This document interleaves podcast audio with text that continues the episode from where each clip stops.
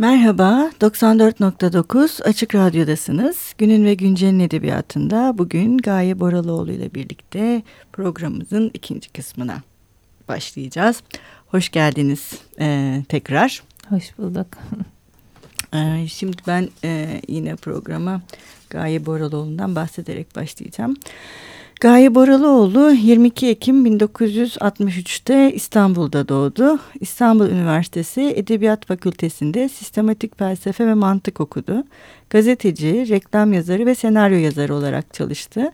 Öykülerden oluşan ilk kitabı Hepsi Hikaye 2001 yılında Fotoğraflar üzerinden kurguladığı romanı Meçhul, 2004 yılında 2011 Notre Dame de Sion Edebiyat Ödülü mansiyonu alan romanı Aksak Ritim 2009 yılında yayımlandı. İçimdeki Ses adlı gençlik romanı 2013'te Gün Işığı kitaplığından çıktı. Hepsi hikaye Kürtçe ve Arapçaya, Aksak Ritim Arapça ve Almanca'ya çevrildi. 2014 yılında Mübarek Kadınlar adlı ikinci hikaye kitabı yayınlandı ve bu kitap bu yıl Yunus Nadi Hikaye Armağanını kazandı. Hoş geldiniz tekrar. Hoş bulduk. Şimdi geçen programda e, hikayeleri konuşmuştuk. İlk ve son hikaye kitabınızı. Hepsi hikaye ve mübarek kadınları. Bugün de e, romanları Meçhul ve Aksak ritmi e, konuşalım diye düşünmüştük. Şimdi Meçhul oldukça ilginç bir eser aslında. Hani buna tek başına bir roman mı denilebilir ya da ne demek lazım? Biraz tür olarak zor ve ilk programda siz de söylemiştiniz zaten türler arasında dolaşmayı seviyorum e, diye. E, şimdi Meçhul fotoğraflı bir kitap. Yani fotoğrafların e, yani Manuel Çıtağ'ın fotoğrafları üzerine siz bu hikayeleri e, kaleme almışsınız. Aslında bu da hikayeler toplamı gibi ama hepsi İbrahim'e işaret ediyor tek bir merkeze. Ee, bir bunu öğrenmek istiyorum. Neden böyle bir şey e, aklınıza yani nasıl böyle bir şey aklınıza düştü? Yani size ne ilham verdi? Ee, ikincisi yani neden bu fotoğraflar belirli fotoğrafları seçtiniz mi? Nasıl bir çalışma oldu bu kitap için? Manuel Çıttağ'ın fotoğraflarını çok seviyordum. O dönemde yakın arkadaştık ve sıklıkla onun fotoğraf serüveninin sonuçlarıyla hı hı. E, karşı karşıya kalıyordum ve bundan pek hoşnuttum. E, e, hepsi hikayeden sonra işte okumalarımın ya da e, merakımın yoğunlaştığı alan çok hani kabaca tarif edersek çok uzatmamak için sır yani görünenin arkasındaki hmm. evet. e, kapağı, kapağın arkasında kalmış e, sırlar oldu. E, Manuel Çıtağ'ın fotoğraflarında da bende o sır ben -hı. o sırları ve onların arkasındaki hayatları kapıları Hı -hı. E, ne diyeyim e, canlandıran hı hı tease eden bir şey olduğunu gördüm. Ee, Meçhul sonra, yani diyorsunuz. Bir meçhulü aydınlatmak. evet. Çünkü o dönemler böyle e, siyasi kayıpların falan Hı -hı. çok yoğun olduğu e, dönemlerde. Ama ben e, yani edebiyatta o tür doğrudan siyaset konusu Hı -hı. E, biraz tabii tehlikeli ama bu... M, o kaybolma hali, ortada olmama hali, onun etkileri, orada beliren ve kaybolan, flulaşan e, hayat dilimleri hı hı. bunlar üzerine çok düşünüyordum. E, ve sonra Manuel'in arşivine girdim ve yüz kadar fotoğrafı alıp eve getirip yaydım. Hı hı. E, ve onlara üzerine bir şey yazmak istedim. Hı hı. Ama bir yandan da e, böyle işte benim böyle kötü bir huyum var şey hmm, hep böyle bir önceki yaptığımdan farklı Hı-hı. bir şey yapmak Hı-hı. arzusu. Ha, tamam o o defter kapandı şimdi başka bir defter Hı-hı. açayım duygusu. İşte o hikayeler yazmıştım. Şimdi roman yazmak istiyordum. Hı-hı. Ee, ve böyle her işte fotoğraf için bir hikaye gibi klasik bir şey yapmak istemedim. Biraz da deneysel bir. E, yol olmasına rağmen o beni heyecanlandırdı. Bir roman kurguladım. Hı hı. E, işte bu romanda kahramanı hı hı. ana kahramanı hiçbir zaman görünmeyecek Görün. ve hiçbir zaman e, kendi dilinde konuşmayacak ve biz hiçbir zaman ona bakmayacaktık. Hı hı. Yani gerçekten hı hı. E, edebiyatın içinde de kaybolmuş bir kahraman olacaktı. Hı hı. Dolayısıyla e, burada edebi olarak da farklı bir şey, hı hı, e, evet. bir e, yani yol her, seçtim. Hı hı. Yani hep başkalarının anlattığı ama hiç karşımıza kendisi yani cismiyle, ruhuyla çıkmayan bir aslında adı evet. İbrahim evet, olmasını İbrahim. da özellikle mi e, düşündünüz? Hani İbrahim bir kurban gibi mi gerçekten? Hani İshak peygamberin kendi oğlunu kurban etmesi gibi. Evet. Yani ama oradan başka bir şey çıkması. Evet. Onu özellikle mi düşündünüz? Tabii arka planda evet. bu da vardı. Babayla zaten oğul evet. arasında da. Yani şey, evet. hikaye. Temel mesele zaten aslında baba oğul Hı -hı. hikayesidir. Daha arka plandaki evet. mesele.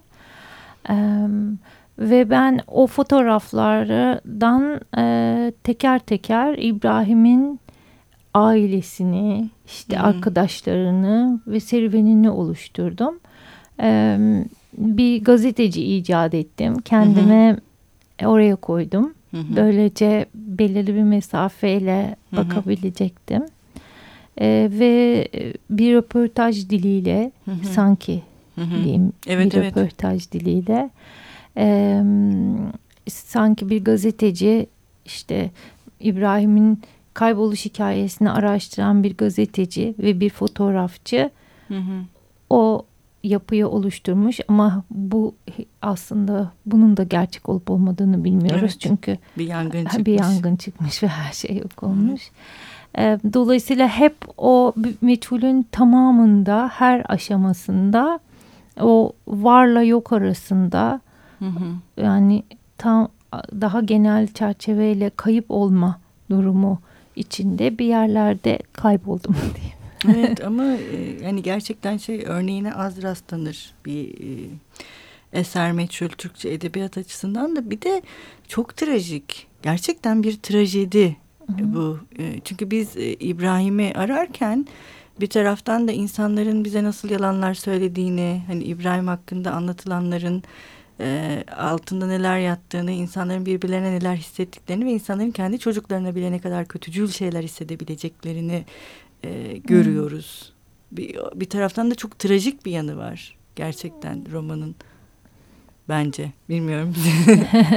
en azından şey gibi. Ya yani o kaybolmanın dışında bir sahici olmayana da bir şey var. Hani sahici değil anlatılanlar. Yani her zaman kafamızda öyle bir soru işareti var. Evet. Ne kadarının sahi, ne kadarının hı hı. E, sahici değil olduğunu bilmiyoruz daha doğrusu. Hep o yani o salıncakta durma halini hı hı. işte o kayıp olma duygusunun bir hı hı. E, görüntüsü olarak seçtim.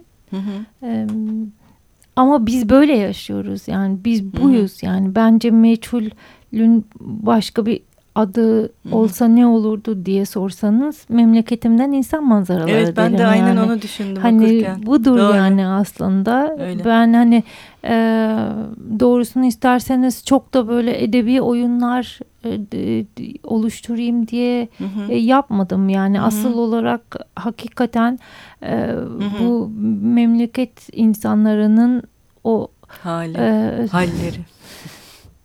e, düşünme üslupları ya da üslupsuzlukları diyeyim. Hı hı. Hani oralara bakmak istedim daha çok. Ee, üslup kendiliğinden geldi yani. Hı hı. Hani ay bir deneysel roman yazayım gibi hı hı. davranmadım da e, e, anlattığım hikaye bana hı. böyle bir deneysel alan yarattı diyeyim daha çok. Evet evet.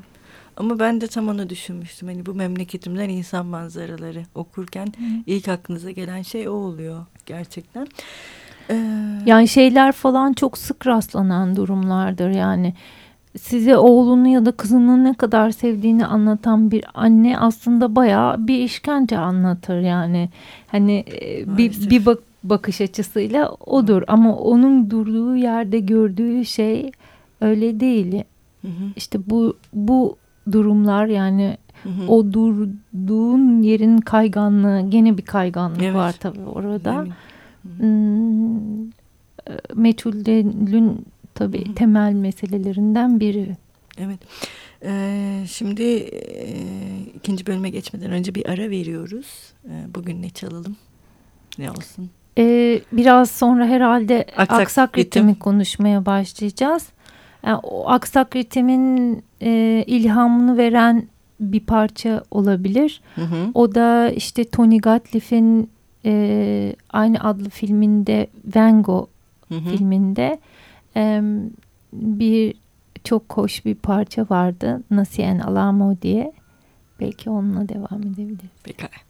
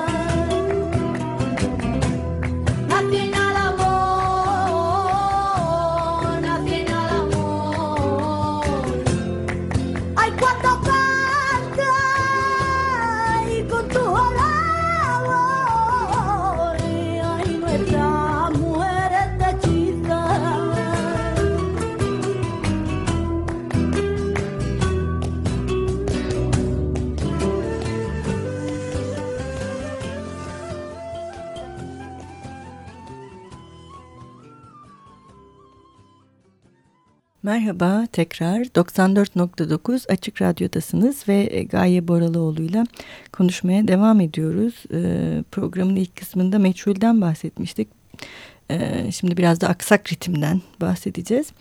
Aslında şeyle başlamak istiyorum ben e, özellikle meçhulde ama aksak ritimde de yer yer hep aklıma Zeki Demirkubuz filmleri geldi.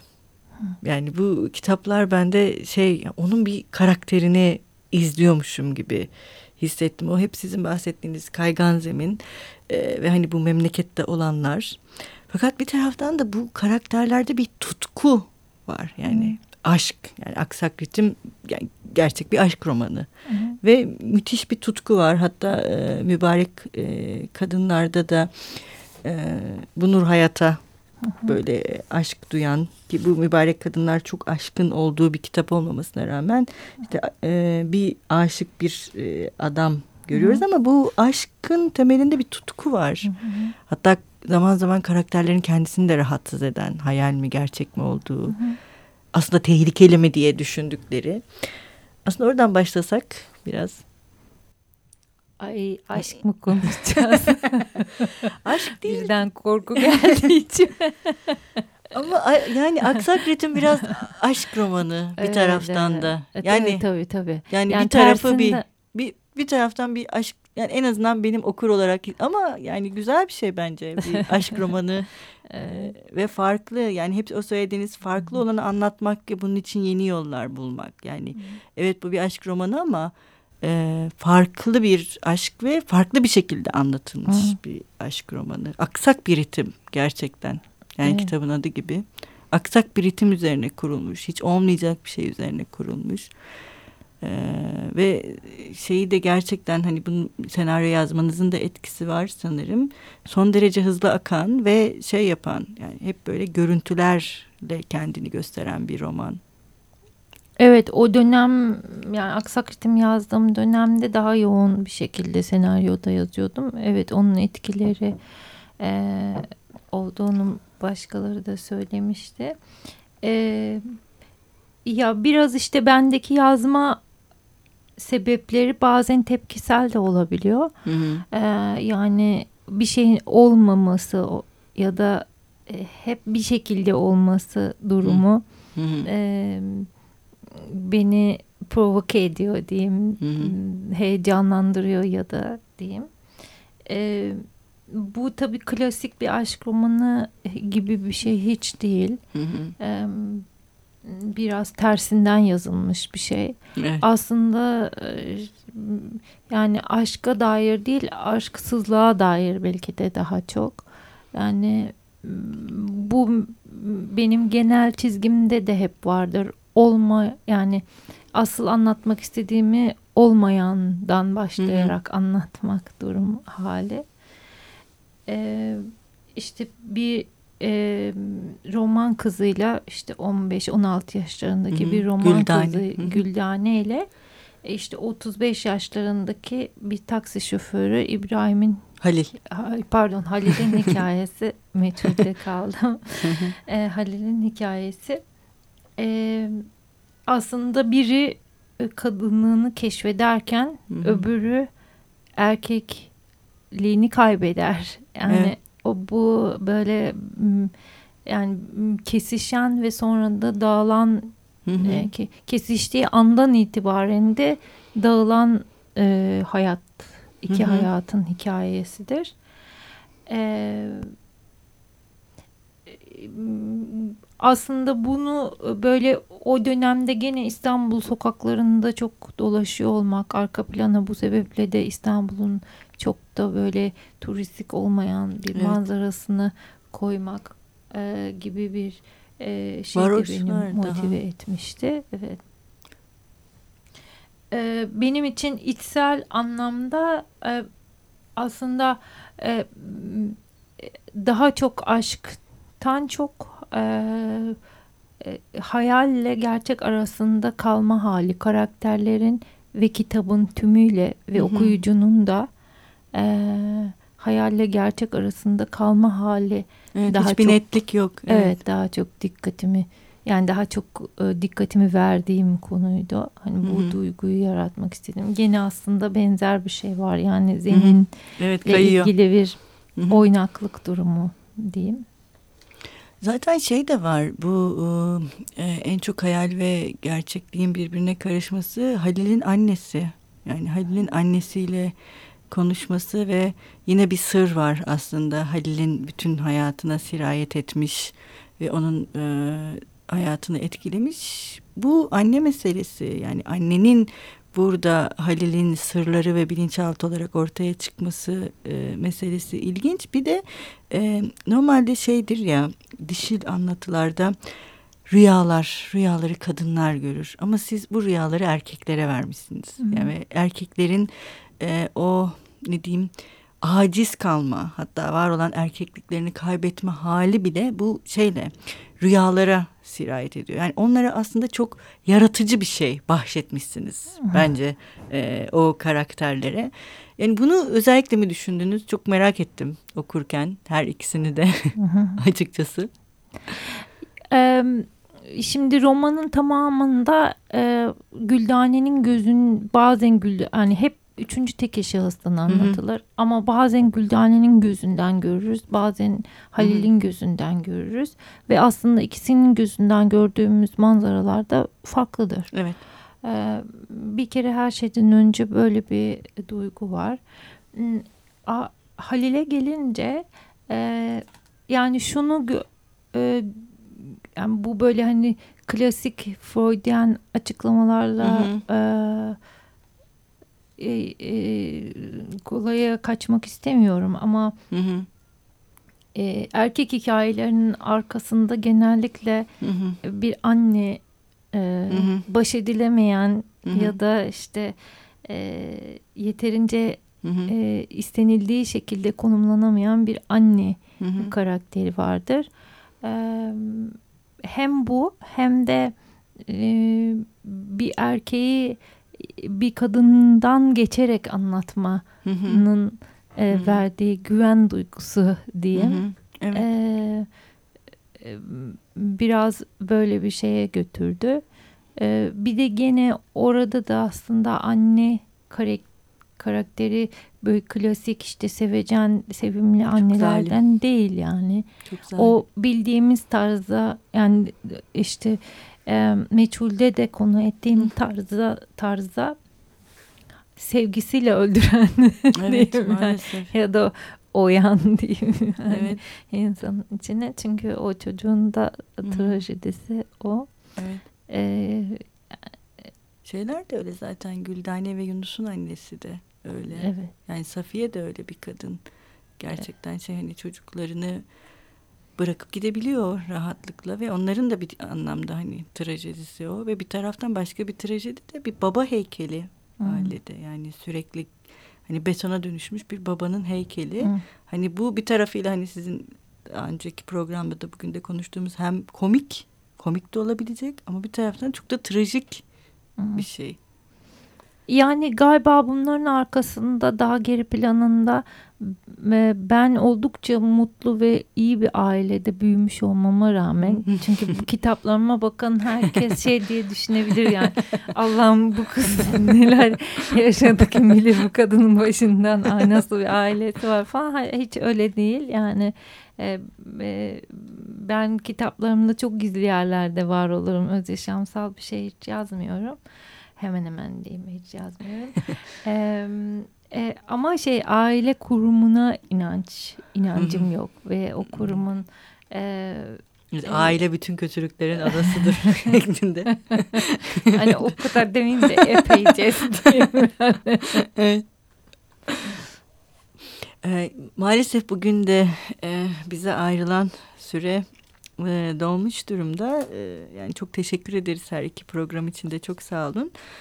E, bugün e, aşk konuşamadık ama belki başka bir sefer diyelim. Ve e, sanırım aksak ritimle bitireceğiz e, bugün. E, şimdi ben mümkün olduğunca bundan sonraki e, programlardaki yazarları anons etmek istiyorum. E, bundan sonraki konuğumuz Doğu Yücel olacak. Ve e, bugün e, yine yazarımızla sizlere veda ediyoruz. Hoşçakalın, görüşmek üzere. Teşekkür ederim. Gölgesiz bir gecede sokağın köşesinde mahallenin gençleri yavaş yavaş toplandılar. Hiçbiri konuşmuyordu. Sanki herkes yalnız gibi, etrafta başka kimse yok gibi davranıyordu. Gözleri zifiri karanlıkta bir yasak haz beklentisiyle ışıldıyordu. Hava soğuktu ama onlar terliydi. Yeteri kadar kalabalık toplandığında sokağın köşesinden Yunus göründü. Darbukasını ters çevirip onlara doğru uzattı. Gençler ellerini ceplerine attılar, terli avuçlarında buruşturdukları paraları uzattılar, darbukanın kuyusundan içeri attılar. Herkes cebini boşaltınca Yunus sessizce yürümeye başladı. Delikanlılar da sessizce onu takip ettiler. Düzensiz nefes sesleri dolaştı mahallenin sokaklarında. Derken güldanelerin evinin arka tarafına geldiler. Banyonun altında dikilmeye başladılar. Yunus üç kere banyonun camına vurdu. O cama vurunca içeride ipincecik bir ışık belirdi. Nefeslerini tutan gençler ister istemez hafifçe mırıldandılar. Vücut ağırlıklarını bir ayaklarından diğerine geçirdiler, gözlerini cama diktiler. Görünmez bir el perdeyi araladı. Yunus sırtını evin duvarına dayayıp camın altına çömeldi. Kimsenin yüzüne bakmadı. Eğilip gözleriyle gece solucanlarını aramaya koyuldu. Güldane banyoda tek bir mum yakmış, cama arkasına dönmüştü. Dışarıda kaç kişi var, kim onlar, yaşları kaç hiç bilmiyordu. Umurunda da değildi. O kendi halindeydi. Sadece seyredildiğini biliyordu ve bu gizli oyun onun kalbinin zarını titretiyordu. Hiçbir dokunuş, en derin öpüşme, en tatlı sevişme bu oyunun yerini tutamazdı. Güldane o an aşık oluyordu. Seyredenlerin gözündeki kendine aşık oluyordu. Hiç acele etmeden yeleğinin düğmelerini çözdü teker teker, saten bir pelerini çıkarır gibi edalı çıkardı üstünden, yere bıraktı yavaşça. Oğlanlar yutkundular, sanki daha fazla görebilmelerini sağlayacakmış gibi gözlerini iyice açtılar. Güldane yeminisini sıyırdı başından, sonra elbisesinin fermuarını açtı arkadan, Eteklerini toplayıp avucuna aldı ve kimine kıyamet kadar uzun, kimine bir nefes verme süresi kadar kısa gelen belirsiz bir zaman aralığında üstünden çıkarıp attı elbisesini.